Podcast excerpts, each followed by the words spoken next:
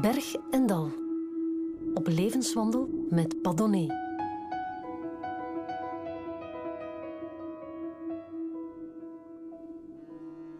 Bruno De Wever doseert hedendaagse geschiedenis aan de Gentse Universiteit. Hij is gepokt en gemazeld door de collaboratie, die hij als kleinkind van een kleine collaborateur en als historicus dicht op de huid zit. En hoewel hij met zijn vader hartstochtelijk van mening kon verschillen, er lijnrecht tegen ingaan, toch hield hij er zielsveel van. Het een, de emotie, hoeft het andere, de reden niet uit te sluiten. Elke sociale groep koestert historische mythes, zegt de Wever, en goede historici gaan daar tegen in. Het is maar dat jonger broertje Bart het weet. Bruno de Wever, zit je op een berg of zit je in een dal? Geen van beide. niet op een berg, niet op een dal. Nee. Um, nee, ik voel me goed. Het gaat wel. Maar uh, net 52 geworden. Oeh. En dan, um, ja, dan denk je na over wat uh, geweest is en wat nog moet komen. En dan besef je dat de tijd die je nog rest uh, alsmaar korter wordt. Dus want wat is geweest is veel langer dan wat er nog moet komen, in principe. Ja, dat realiseer je bijzonder scherp op je 52. Vreemd ook, de tijd, en dat is een gevoel, en dat is ook wetenschappelijk zo bewezen, gaat veel sneller vanaf nu. Hè? Ja, ja, ja, dat, is, uh, ja, dat wordt onder meer door uh, de Groningse hoogleraar, historicus ook. Uh, op wiens naam ik nu meteen niet eventjes kom, maar die ik honderdduizend keren zou zeggen. Ook dat heeft uh, te maken met ouder worden, vrees ik. Ik kom er wel zo dadelijk op, van, ik doseer er zelf over. Die, uh, ja, het is heel simpel, hè. De, de tijd dat je nog hebt. Uh, als, je, als, je, als je vier jaar bent en je wordt een jaar ouder, ja, dan is dat een, een vijfde van je leven. En als je 52 wordt je wordt een jaar ouder, dan is dat een een 52ste van je leven. En dus inderdaad, daarom wordt het leven, gaat het leven sneller als je ouder wordt. En kun je dat dragen? Ja, natuurlijk, ja. We moeten wel, hè. Ja, er is geen alternatief, er, is, er is geen alternatief. Ja, de alternatieven zijn, uh, zijn datgene waarvoor je angst hebt, natuurlijk. Ja, nu kun jij je natuurlijk een beetje troosten met de idee, ik ben een historicus, dus mijn verleden wordt hoe langer hoe groter, dus ook hoe langer hoe belangrijker. Dat is mijn terrein.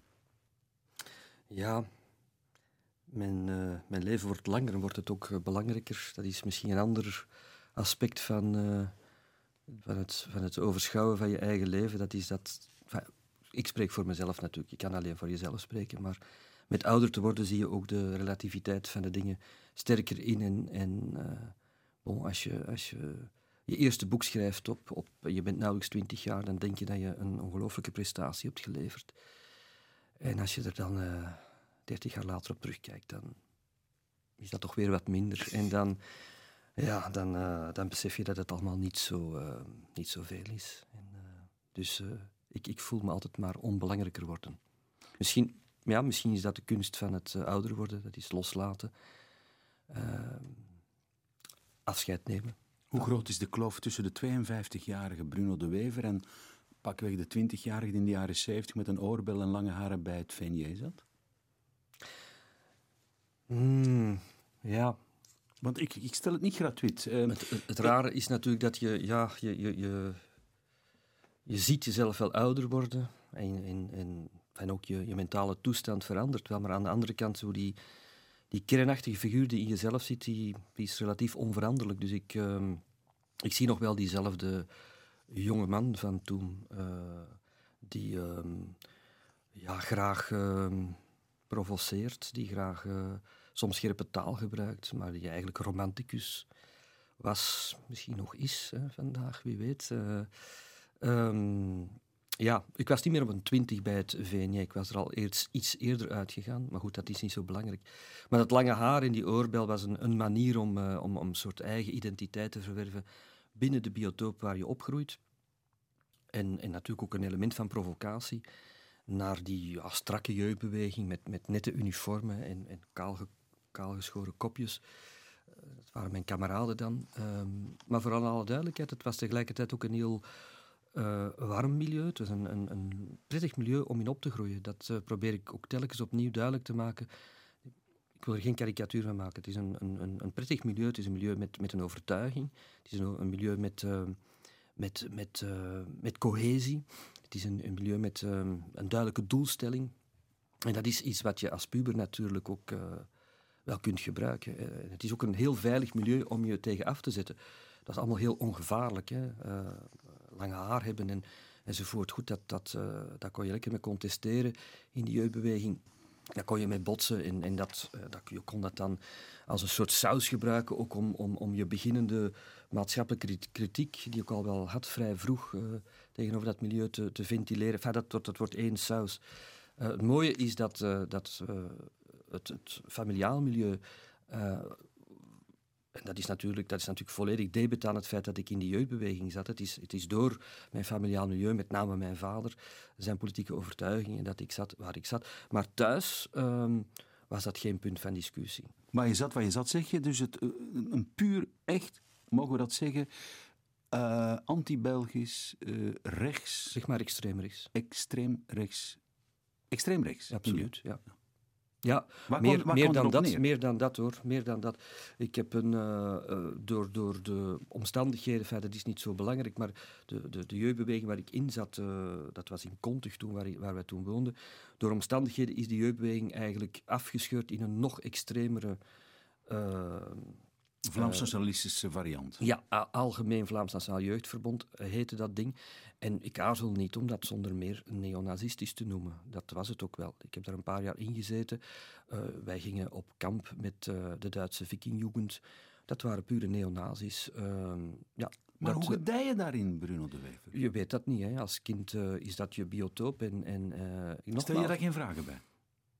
Als jong kind niet, nee. Maar, uh, maar na verloop van tijd wel. En ook mijn vader stelde er ook wel vragen bij. Hij was een ja, uiterst rechts Vlaams nationalist, mag ik wel zeggen.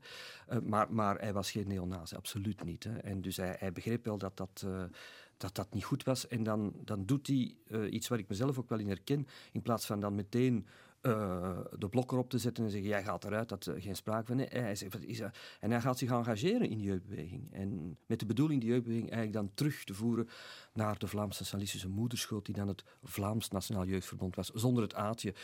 En dat is dan meer traditionalistisch, uh, maar nog altijd stevig rechtse jeugdbeweging, waar ik dan, uh, als ik dan uh, een iets oudere tiener was, in nog een aantal jaren ingebleven ben. Hij had het ook natuurlijk van geen vreemde, uw vader, want zijn vader was echt wel goed fout in de oorlog. Hè? Goed fout. Ah, was een van de heel vele kleine collaborateurs, een onderwijzer uit Mortsel, uh, die uh, op, naar eigen zeggen in 1943 lid geworden is van het Vlaams Nationaal Verbond. Um, daar niet bepaald brokken gemaakt heeft, bij mij weten nooit een uniform gedragen heeft, laat staan een wapen gedragen. Van heel van de heel veel kleine um, collaborateurs in Vlaanderen, uh, die niet eens een, een, een, strafrechtelijke veroordeling heeft gekregen, men heeft hem een tijdje opgesloten en dan een typisch verhaal uh, waarbij men dan uh, hem de burgerrechten heeft afgenomen, is dan ook zijn job als onderwijzer een tijd lang kwijt geweest. Enfin, heel banaal verhaal. Ik zou hem geen die man zelf heeft nooit over zijn oorlogsleden verteld. Toch niet aan mij, misschien wel aan mijn vader. Maar eigenlijk was hij een wat een enigmatische figuur. Zweeg, zweeg je daarover? Hij zweeg erover, hij zweeg sowieso. Hij was een, hij was een zwijger. Uh, mijn grootmoeder die, uh, sprak er soms wel eens over, maar dat was dan meer van politiek is niet goed, je moet van politiek wegblijven, politiek is alleen maar ellende en zo. Meer dat verhaal. Ja, zij had tenslotte met ja, ja. zes uh, kinderen repressie die, die repressie moeten overleven terwijl hij gevangen zat. Maar eigenlijk is mijn grootvader helemaal niet een, een soort van figuur die, die richtinggevend geweest is. Toch niet voor mij, misschien wel voor mijn vader. Mijn vader heeft natuurlijk die repressieperiode als kind meegemaakt. Enfin, Nee, het is, het is vooral mijn vader die, uh, die, die, die uh, de politieke lijn uh, in mijn leven heeft gebracht. Je eerste tekst die je brengt, want in Bergendal, dat is klassiek, vragen van onze gasten om eigenlijk teksten te brengen die essentieel zijn geweest in hun leven, dat is eigenlijk ook een lied, gebed voor het vaderland, geschreven door Remy Pirijns. Dat is de grootvader van Freya Pirijns, tussen haakjes. Ja. Vader van uh, Piet Pirijns. En uh, op muziek zit door Gaston Veremans. Dat zijn twee mensen. De een, Pirijns, was uh, op een bepaald moment eh, voorzitter van het Diets Jeugdverbond. Die dat Diets Jeugdverbond in de Nationaal Socialistische Jeugd Vlaanderen heeft laten overvloeien. En Veremans was hier op de NER, onze muziekdirecteur, tijdens de bezetting. Die is allebei natuurlijk die heren nadien zwaar aangerekend en ze hebben geleden onder de repressie. Zo is het, hè? Zo is het. Ja, ze zaten in het uh, interneringscentrum uh, van Lokeren, dus een, een groot uh, eigenlijk gevangenenkamp. ehm, waar eh, vele duizenden eerder kleine collaborateurs eh, opgesloten zaten. En nogal wat cultuurmensen, schrijvers, dichters, muzici. Het was een, een oord van, van cultuur. En onder meer dit lied uh, en deze tekst is daar tot stand gekomen. Hij was daar heel actief, Feremans, de componist, want hij schreef 60 liederen, geloof ja, ik wel daar. Ja, klopt. Ja, is dat omdat hij dan tijd had? Of wat ja, tijd, ja, natuurlijk. Ja. Ze hadden veel tijd om daar dingen te doen. En het was ook, er was ook een behoefte natuurlijk, want ja, dat is misschien een, een, een interessant aspect van de geschiedenis van de collaboratie in Vlaanderen. En waarin de collaboratie in Vlaanderen wellicht ook een stuk uh, kan onderscheiden worden van de collaboratie, in ieder geval in Franstalig België. Dat is dat er een, een, nogal een, een, elite bij betrokken was. Hè. Het is via het Vlaamse socialisme en de radicale Vlaamse beweging zie je nogal wat cultuurdragers die daarin zitten. En dus uh, ja, in dat kamp was het een, een cultureel feest. Mm -hmm. Waarom spreek je dat zo aan? Of waarom heeft hij dat zo essentieel? Wel, ik heb het zeer vaak gezongen hè, als, uh, als uh, kind en, en, als jonge man. Uh, als, als tiener heb ik het zeer vaak gezongen, uh, omdat het een van de, van de klassieke liederen was die gezongen werden op plechtigheden. Is een vrij plechtig lied, dus het was, was zeker geen staplied of zo, maar op plechtigheden, zangfeesten. Uh, ijzer bij de vaarten, maar ook Bormsherdenkingen, al die dingen waar ik aan deelnam. Dus ik heb het zeer vaak gehoord. Ik heb het ook wel graag gezongen, want ik vond het ook als, als kind al een, een mooi lied. mooier dan de meeste stapliederen die we ook moesten zingen. Dat is één reden. het, het gaat natuurlijk over een, een, materie die mijn beroep geworden is nadien. Ik heb, ja, het is eigenlijk de, de kern ja. van mijn eigen historisch onderzoek. Wil je er eens even naar luisteren? Oké. Okay.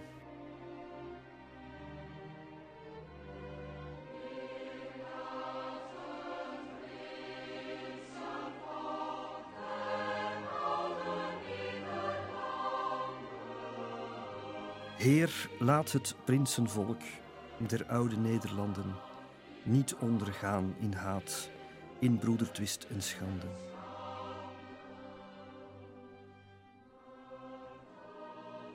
Maak dat uit doude bron nieuw leven nogmaals vloeit.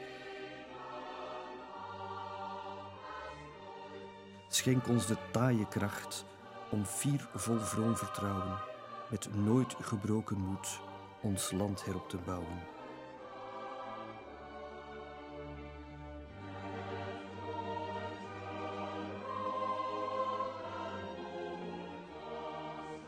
Tot statig als een eik voor u ons volk herbloeit.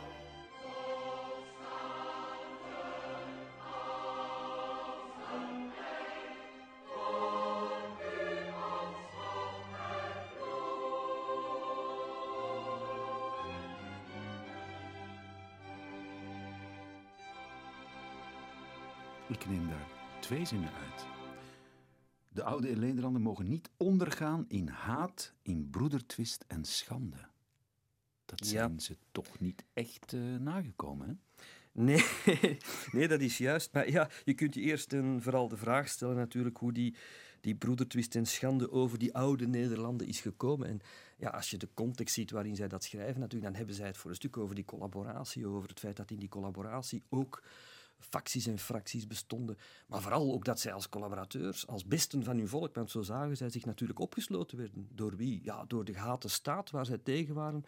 Maar ook, dat konden ze moeilijk ontkennen, door hun eigen volk. En dus, ja, de, de, de broedertwist en schande heeft natuurlijk te maken met, met hun eigen collaboratie.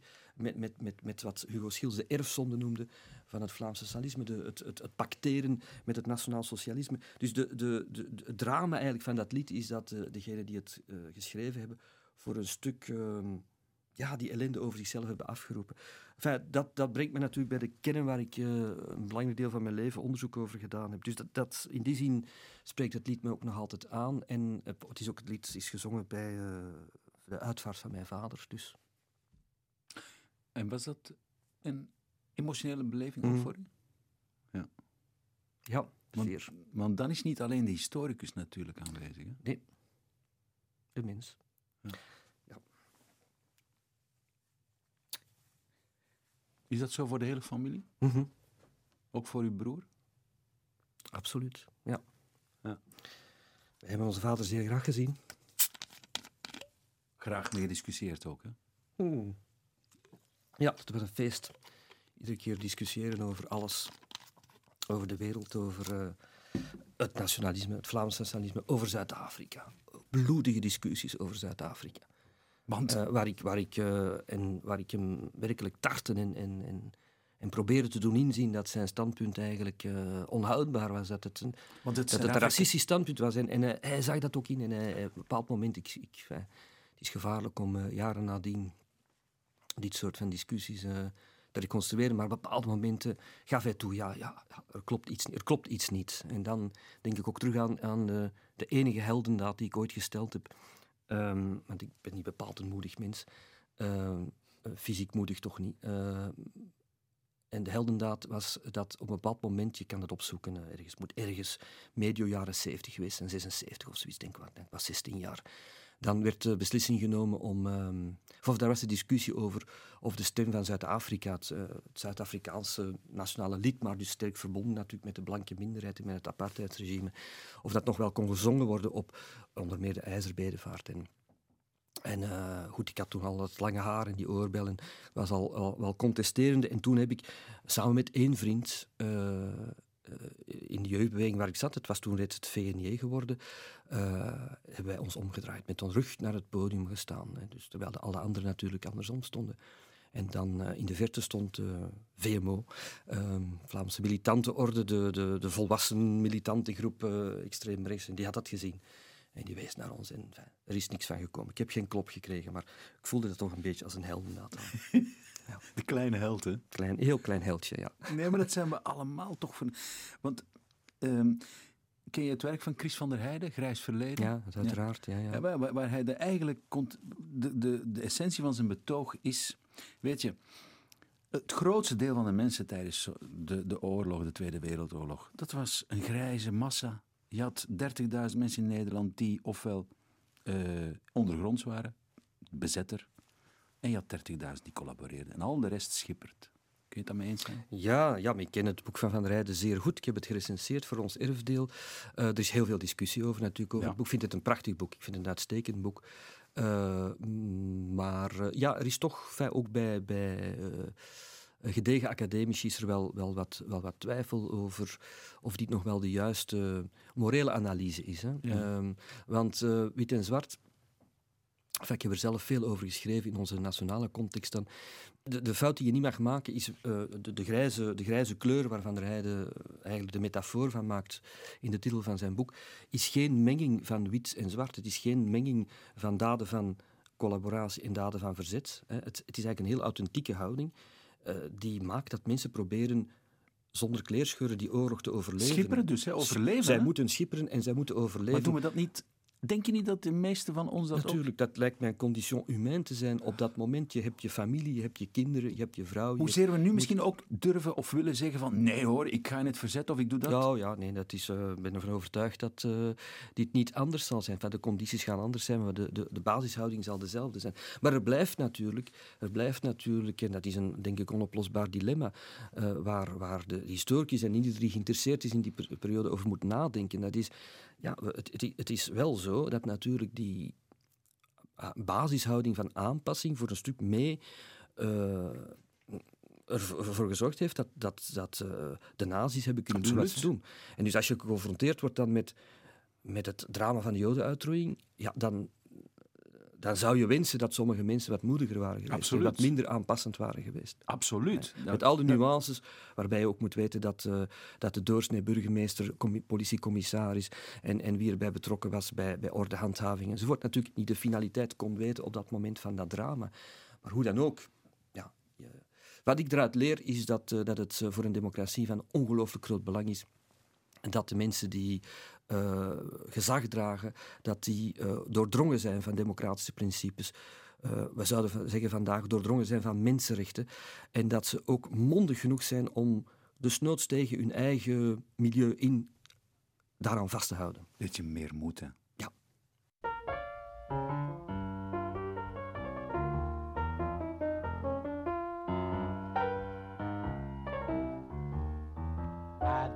Want french fried potatoes, red ripe tomatoes. I'm never satisfied. I want the frim, fram, sauce with the awesome fee, with Pfeiffer on the side. I don't want pork chops and bacon, that won't awaken my appetite inside. I want the frim fram sauce with the awesome fee, with Pfeiffer on the side. A fella really got to eat, and a fella should eat right. Five will get you ten. I'm gonna feed myself right tonight. I don't want fish cakes and rye bread. You heard what I said. Waiter, please serve mine fried. I want the frim fram sauce with the awesome fee, with Pfeiffer on the side.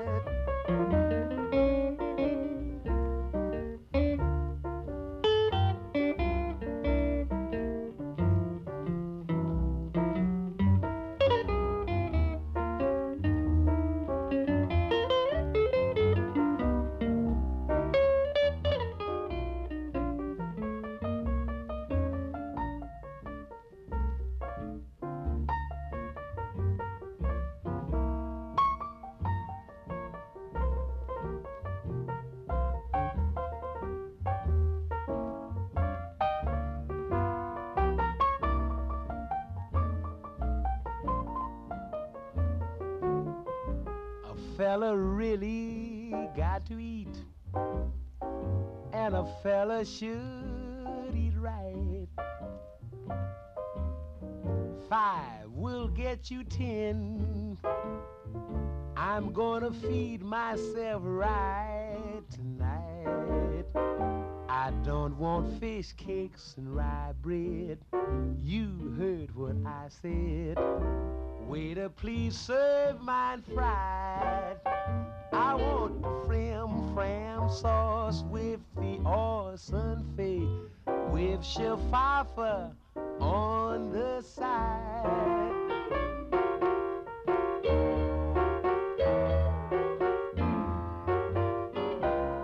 Now, if you don't have it, just bring me a check for the water.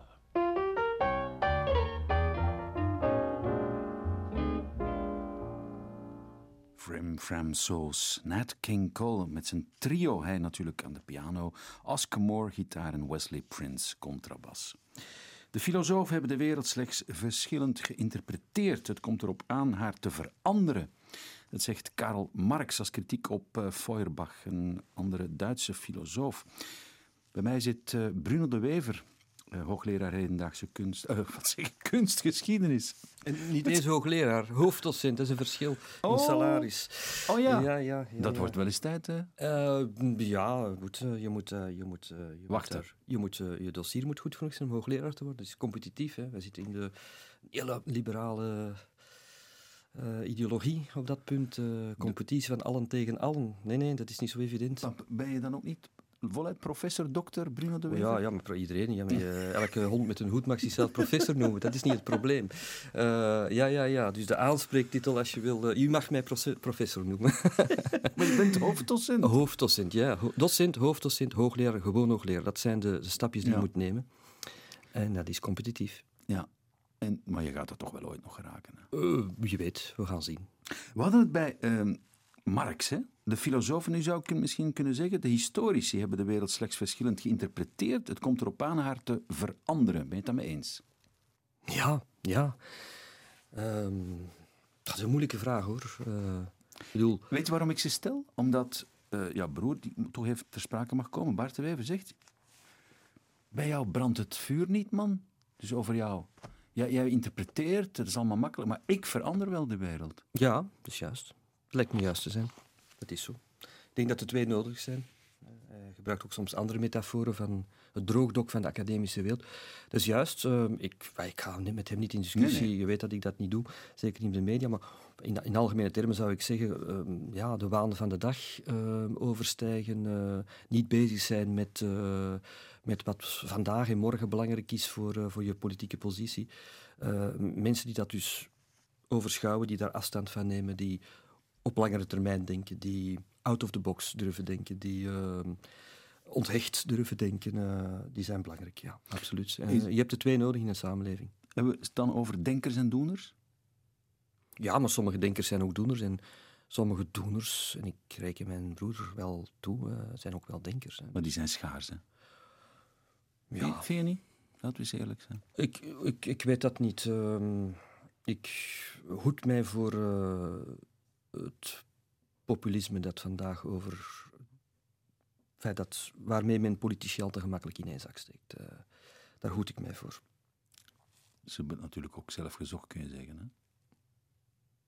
Hoe bedoel je dat? Vind je dat de meeste politici vandaag uitblinken in genuanceerd debatteren? Daar zijn in helder denken? Daar zijn de media mee schuld aan. De media, ja, je hebt gelijk, uh, het debat is een al te sterk getwitterd debat geworden.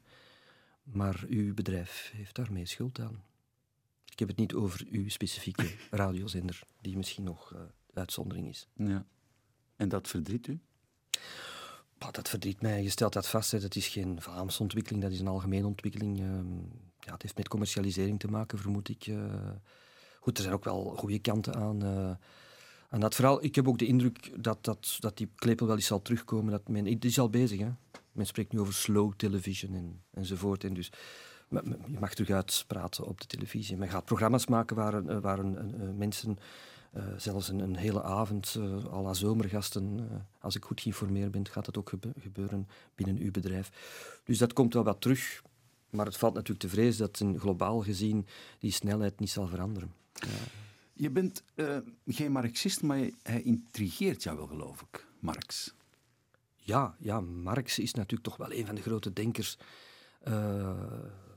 van, van de contemporaine periode. Het is iemand die echt grondleggende geschriften heeft geschreven. Um, maar het, het, Marx um, en het feit dat ik een, een, een stukje Marx um, straks mag voorlezen, heeft, het heeft er ook mee te maken dat eigenlijk in, in mijn opleiding, ik heb twee jaar in Antwerpen gestudeerd, de toenmalige kandidaturen, zo heette dat nog, hè, voor de bachelor-master-structuur had je kandidaturen en licenties. Twee kandidaturen in Antwerpen en dan mijn twee licenties in, in Gent gaan doen.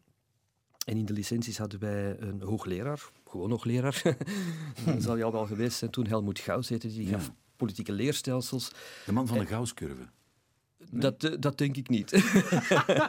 dat zou wij graag uitgevonden Precies, hebben. Dan zou wij een heel grote naam geweest zijn wereldwijd. Ja, ja, ja. Nee, maar, maar die, die man die gaf politieke leerstelsels en die liet ons Marx lezen. Uh, een, een, vrij dun boekje van Marx, geschreven in 1945, 46, De Duitse ideologie, deel 1, Feuerbach verschenen bij Sunschrift 42. Uh, dat, is, dat is een belangrijk moment geweest voor mij, omdat ik daar voor het eerst, denk ik, ook de, de diepte van geschiedenis heb gevoeld. Het genie ook van Marx heb, heb gezien, die, die werkelijk een, een heel nieuwe theorie ontwikkelde met betrekking tot, uh, tot hoe geschiedenis uh, voortgang vond.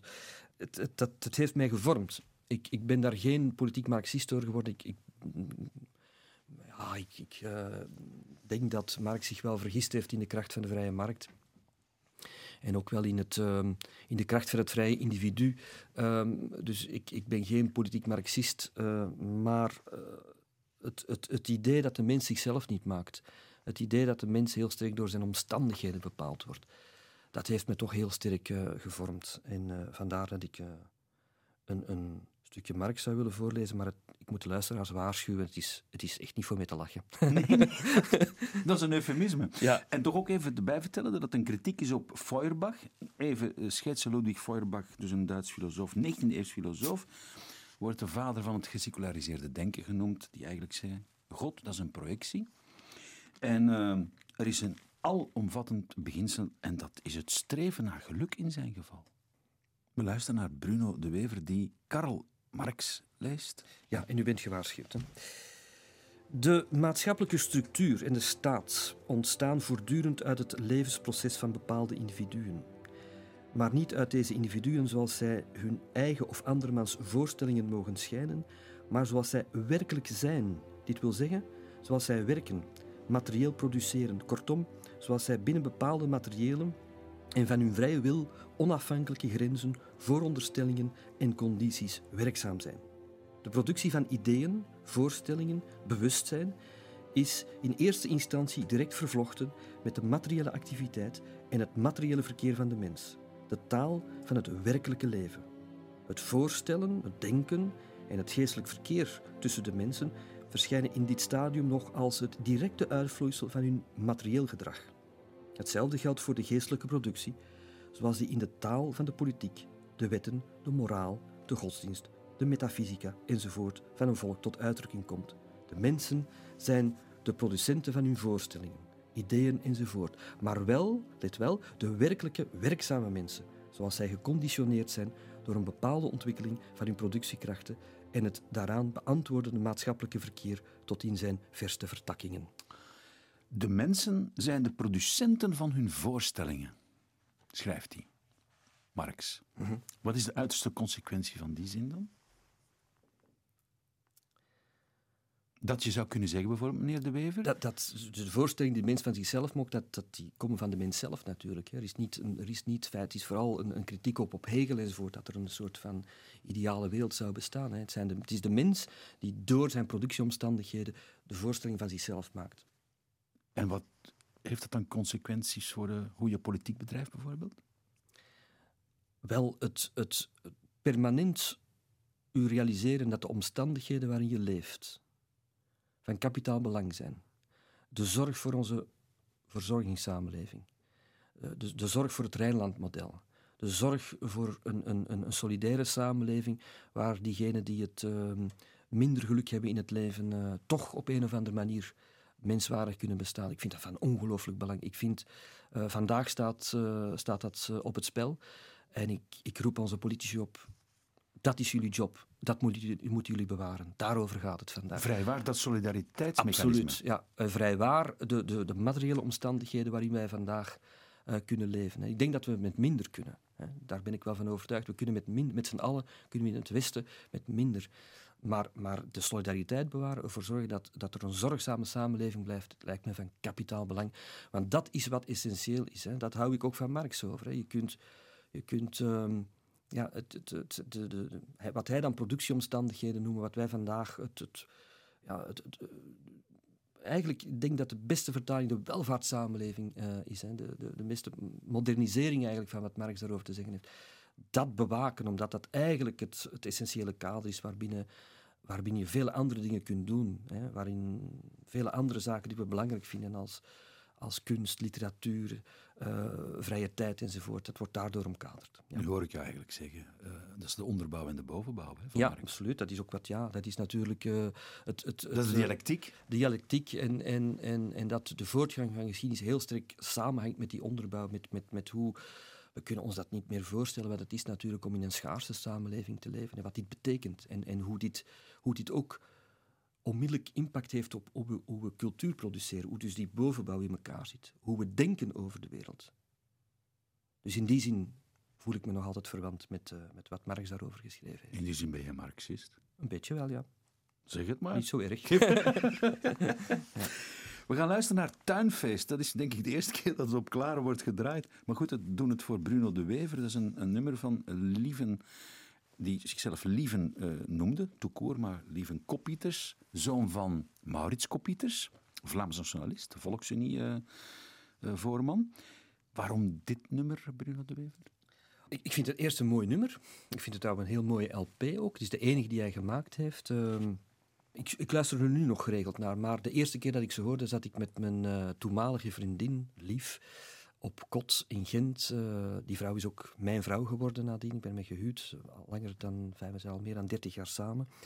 Um, het voert me terug naar die, ja, naar die paradijselijke toestand van wat dan een andere uh, auteur van het uh, Nederlandstalige levenslied, Boudewijn de Groot, het, de tijd van het onschuldig leren en potverteren heeft genoemd. die tijd roept dat opnieuw bij mij op.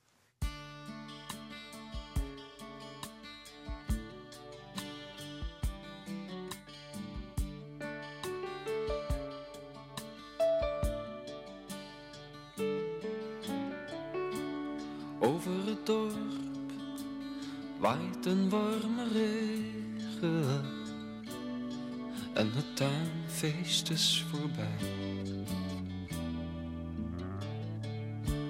Rond het klavier, verborgen in de boomgaard, hangt wat vroege mist.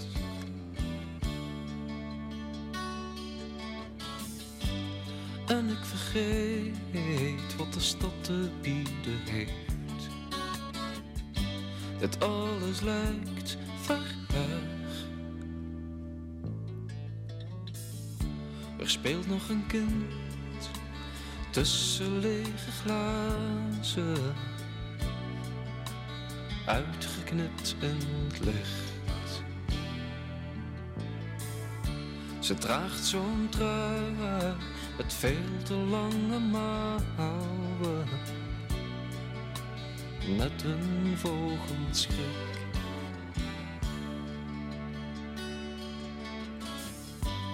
En ik vergeet wat de stad te bieden heeft. Dit alles lijkt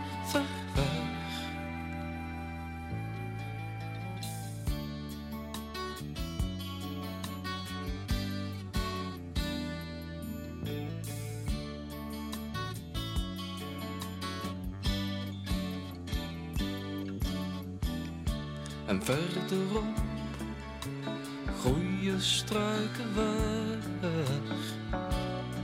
in de glimlach van het licht.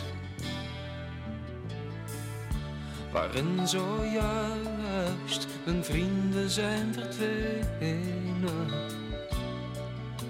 en alles vreemd beweegt.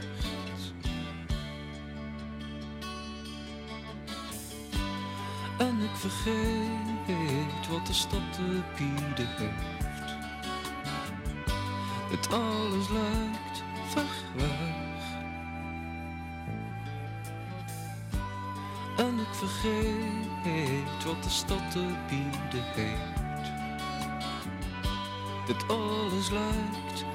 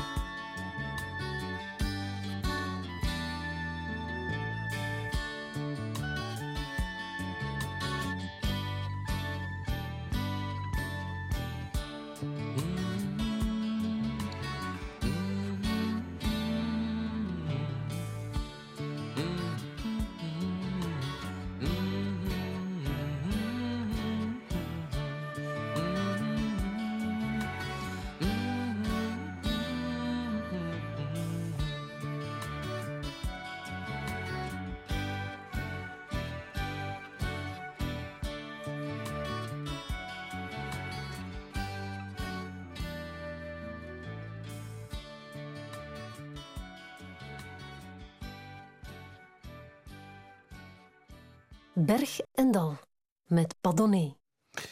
Tuinfeest van Lieven Koppieters. Eh, Dat was heel lang, heel lang geleden dat we er nog hebben gehoord. Voor Bruno de Wever, want ja, u heeft daar heel goede herinneringen aan, meneer de Wever. Ja, ja, ja, ik zie ons nog zitten op die kamers in Gent, in de Lievende Winnenstraat, bij, vlak bij de Coupure. Eh, ja, het is een paradijselijke moment. Net- Althans, je kijkt nu terug op die tijd als een paradijselijke toestand. Je hebt, je hebt eigenlijk nog geen echte zorgen. Ehm, dat is natuurlijk ook weer projectie, want je hebt natuurlijk op dat moment wel zorgen. Je moet die cursussen blokken en, en je moet een thesis schrijven enzovoort. En, maar, maar ja, eh, als ik daar nu op terugkijk, dan, eh, dan overvalt mij heel veel nostalgie. En dat is op een of andere manier verbonden met dat, eh, met dat lied. Tom Crick, dat is een 52-jarige geschiedenisleraar en die heeft te horen gekregen dat zijn vak eigenlijk niet meer deugt, dat dat wordt afgeschaft. En hij maakte gebruik van om nog snel eh, de geschiedenis te vertellen aan zijn leerlingen van de Fens, de laagvlakte ten noorden van Londen. Dat is het boek eigenlijk kort samengevat Waterland van Graham Swift, waar je een stuk uit gaat voorlezen. Ik denk, hé, hey, dat is gek. Een 52-jarige geschiedenisleraar. Wie zit er eigenlijk voor mij? Ja. Een soort van Tom Creek, toch? Ik, ik, ik heb het me niet gereali- gerealiseerd toen ik het stuk opgaf. En ik, het was heel lang geleden dat ik het gelezen had. En ik heb nu Flarden herlezen met het oog op, deze, op dit gesprek. En ja, ik, ik dacht, het is ongelooflijk. Hoe, hoe kom ik er nu bij? Het is echt geen, het is, dat was niet mijn bedoeling. Maar Nee. ik is wist wel dat het over geschiedenisleraar ging. Ik heb het vooral onthouden. Het is een, ja, eh, ik, ik, ik heb het heel graag gelezen, het boek, omdat ik daar inzichten eh, over geschiedenis kreeg via een, een, een, van een romanschrijver die diep waren. Waar ik van, ja, dat is een, een mooi, het is een, een prachtig verhaal, omdat het, het gaat niet alleen over die geschiedenisleraar, het gaat ook over paling. eh, het gaat over de Fins, de geschiedenis van de Fins, een moerasachtig gebied. Het gaat over mysteries, het gaat over het leven ook. eh. ik vind het een heel mooi boek. Swift heeft trouwens nog andere mooie dingen geschreven. Maar dit is het boek waarmee hij doorgebroken is hè, bij een, eh, Ja. een breed publiek. Ja. Denk je niet dat die ehm Crick, die leraar, die geschiedenisleraar, eigenlijk zolang hij vertelt, blijft hij in leven? Een beetje, een beetje Scheherazade, hè? Duizend en één nacht. Ja, ja, ja, ja. het is een verhalenverteller. Hè. En het is een beetje in die zin dat ik het ook als contrasteer met, met Marx, de, ja, de, de, de rechtlijnige denker. eh, dat is één element van geschiedenis dat, waar ik van hou, analytisch, empirisch onderbouwd. eh, eh, maar aan de andere kant is geschiedenis ook een verhaal. En het, het vertellen van verhalen, creativiteit, fantasie, is erg belangrijk om, om je historische boodschap ehm, verkocht te krijgen. Zeker bij een breder publiek. Daarom heb ik zo'n bewondering ehm, voor romanschrijvers die dat kunnen. Ik kan dat zelf niet. Ik, ik- ja, het ontbreekt me aan talent om, om dit te kunnen. Dus, ja, een Gelukkig is er Graham Swift waar je nu uit kunt voorlezen. Ja, dat ja. te maken. Waar, waar, waar zitten we in het boek? Wel, eh, hij, gaat, hij zit dus in de, in de klas en hij spreekt over de Franse Revolutie. Het is, het is merkwaardig, maar deze 52-jarige historicus geeft op dit eigenste moment in de eerste batch geschiedenislessen over de Franse Revolutie. Eh, dus het, het is een ander aspect van herkenning. Ehm, en en hij, hij, hij, hij gaat dus een, een, een bepa- bepaalde analyse maken van die Franse revolutionairen. Maar er is dan in zijn klas een, eh, een jonge, Price heet hij. En dat is, een, ja, dat is zo de, het haantje de voorste die, die eigenlijk slimme vragen stelt. Maar eigenlijk is die Price vooral geïnteresseerd in het destabiliseren van die 52-jarige leraar. De opschudding van grote revoluties is de laatste entourage waarin je zou verwachten dat nostalgie gedijt. Toch is dat zo. Denk eens even aan de moedwillige, gecultiveerde naïviteit van de Franse revolutionairen, die niet de rechten van de burger eisten, maar de rechten van de mens. Die de roep van de goede oude Rousseau overnamen, terug naar de natuur en l'homme libre. Die in 1790, toen ze dachten dat de revolutie voorbij was, en ook daarin naïef, dat vierde door zich met arcadische eenvoud te verkleden als boerenknechts en herderinnetjes en door tere jonge vrijheidsboompjes te planten. Sta je stil bij de groeiende gelovigheid, vrome erediensten voor het opperwezen van een beweging wier aanvankelijke drijfveer deels antikerkelijk zo niet atheïstisch was geweest. En sta stil bij de gevaren van de naïviteit, dat die hunkering naar zuiverheid en onschuld maar één stap verwijderd is van Robespierre's beroemde en beruchte onkreukbaarheid.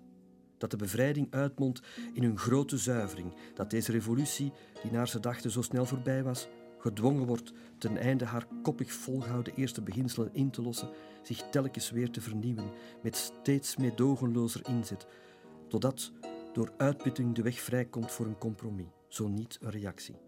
En die revolutionaire heilanden, Robespierre, Marat, noem maar op, van wie wij menen te kunnen zeggen, al zijn we doodsbenauwd voor ze, dat ze tenminste bereid waren tot het uiterste gaan om een nieuwe wereld te scheppen. Hadden die een echte maatschappij van de toekomst in gedachten? Op geen stukken na. Hun model was een geïdealiseerd Rome uit de oudheid, lauwerkronen en zo. Hun oervoorbeeld, de moordenaar van Caesar. Onze helden van de nieuwe tijd, allemaal gedegen klassici, hunkerden ook naar een terugkeer.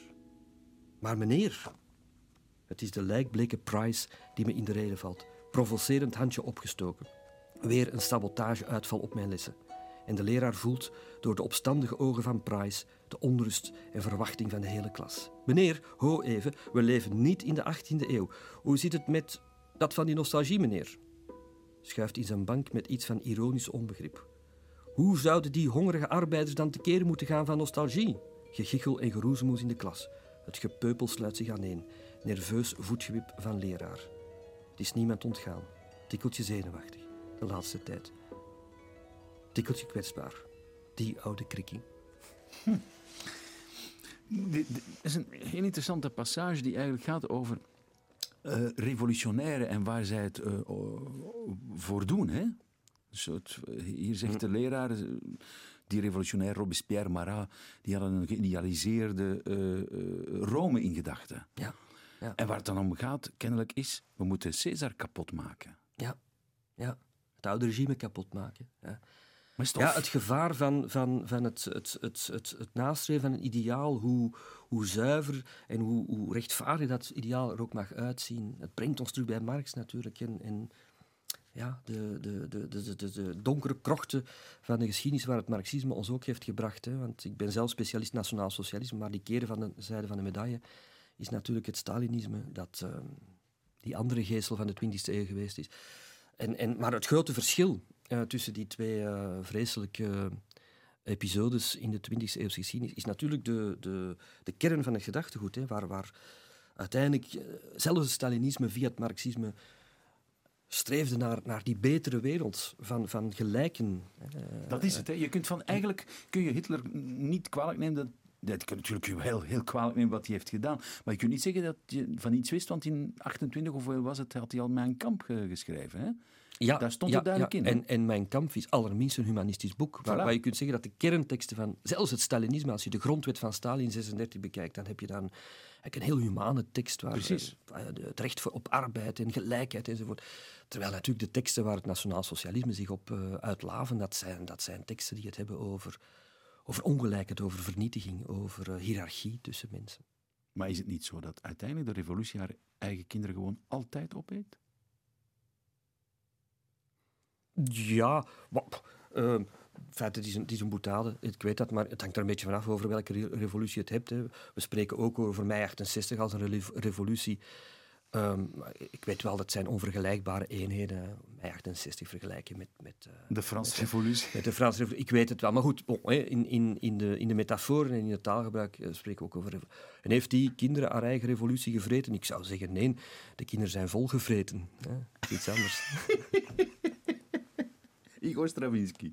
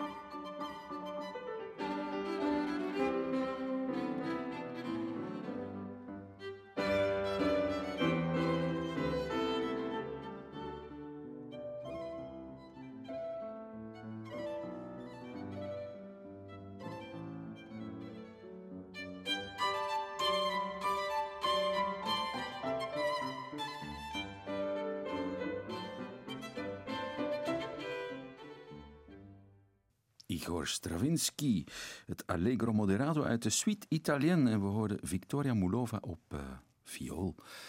Bruno de Wever, jouw vader die draaide vaak, Ja, uh, ja vreemd ja, dat, dat, u dat, dat u dat op voorhand blijkbaar wist. Mijn vader draaide nogal eens uh, geregeld Stravinsky. Ja. Mm -hmm. Dat is een mooie Suite Italienne. Wat is je credo? Kritisch, in vredesnaam kritisch. Um, je hebt kritiek nodig om vrede te vinden. Uh, kritiek is, is nodig om, uh, om goed en juist te leven, denk ik. Uh, dus kritisch in vredesnaam, kritisch ook dat vredes, in vredesnaam is, is essentieel daarbij. zou dan een ander motto kunnen zijn dat eraan gekoppeld is. Dat is uh, wees ehm, kritisch, maar ook zacht voor je medemens. En kritisch dan in de etymologische betekenis ook van het woord Griekse kritisch? Ja. ja. ja. ja. Naar de radix, de wortel. Ja. Je moet durven hartstochtelijk met iemand van mening kunnen verschillen. Ja, ik denk dat we het op dat punt misschien eens met elkaar zijn. Ja. Je moet af en toe eens kunnen vloeken en, uh, en, en het oneens zijn met, je, met diegene die je liefst hebt.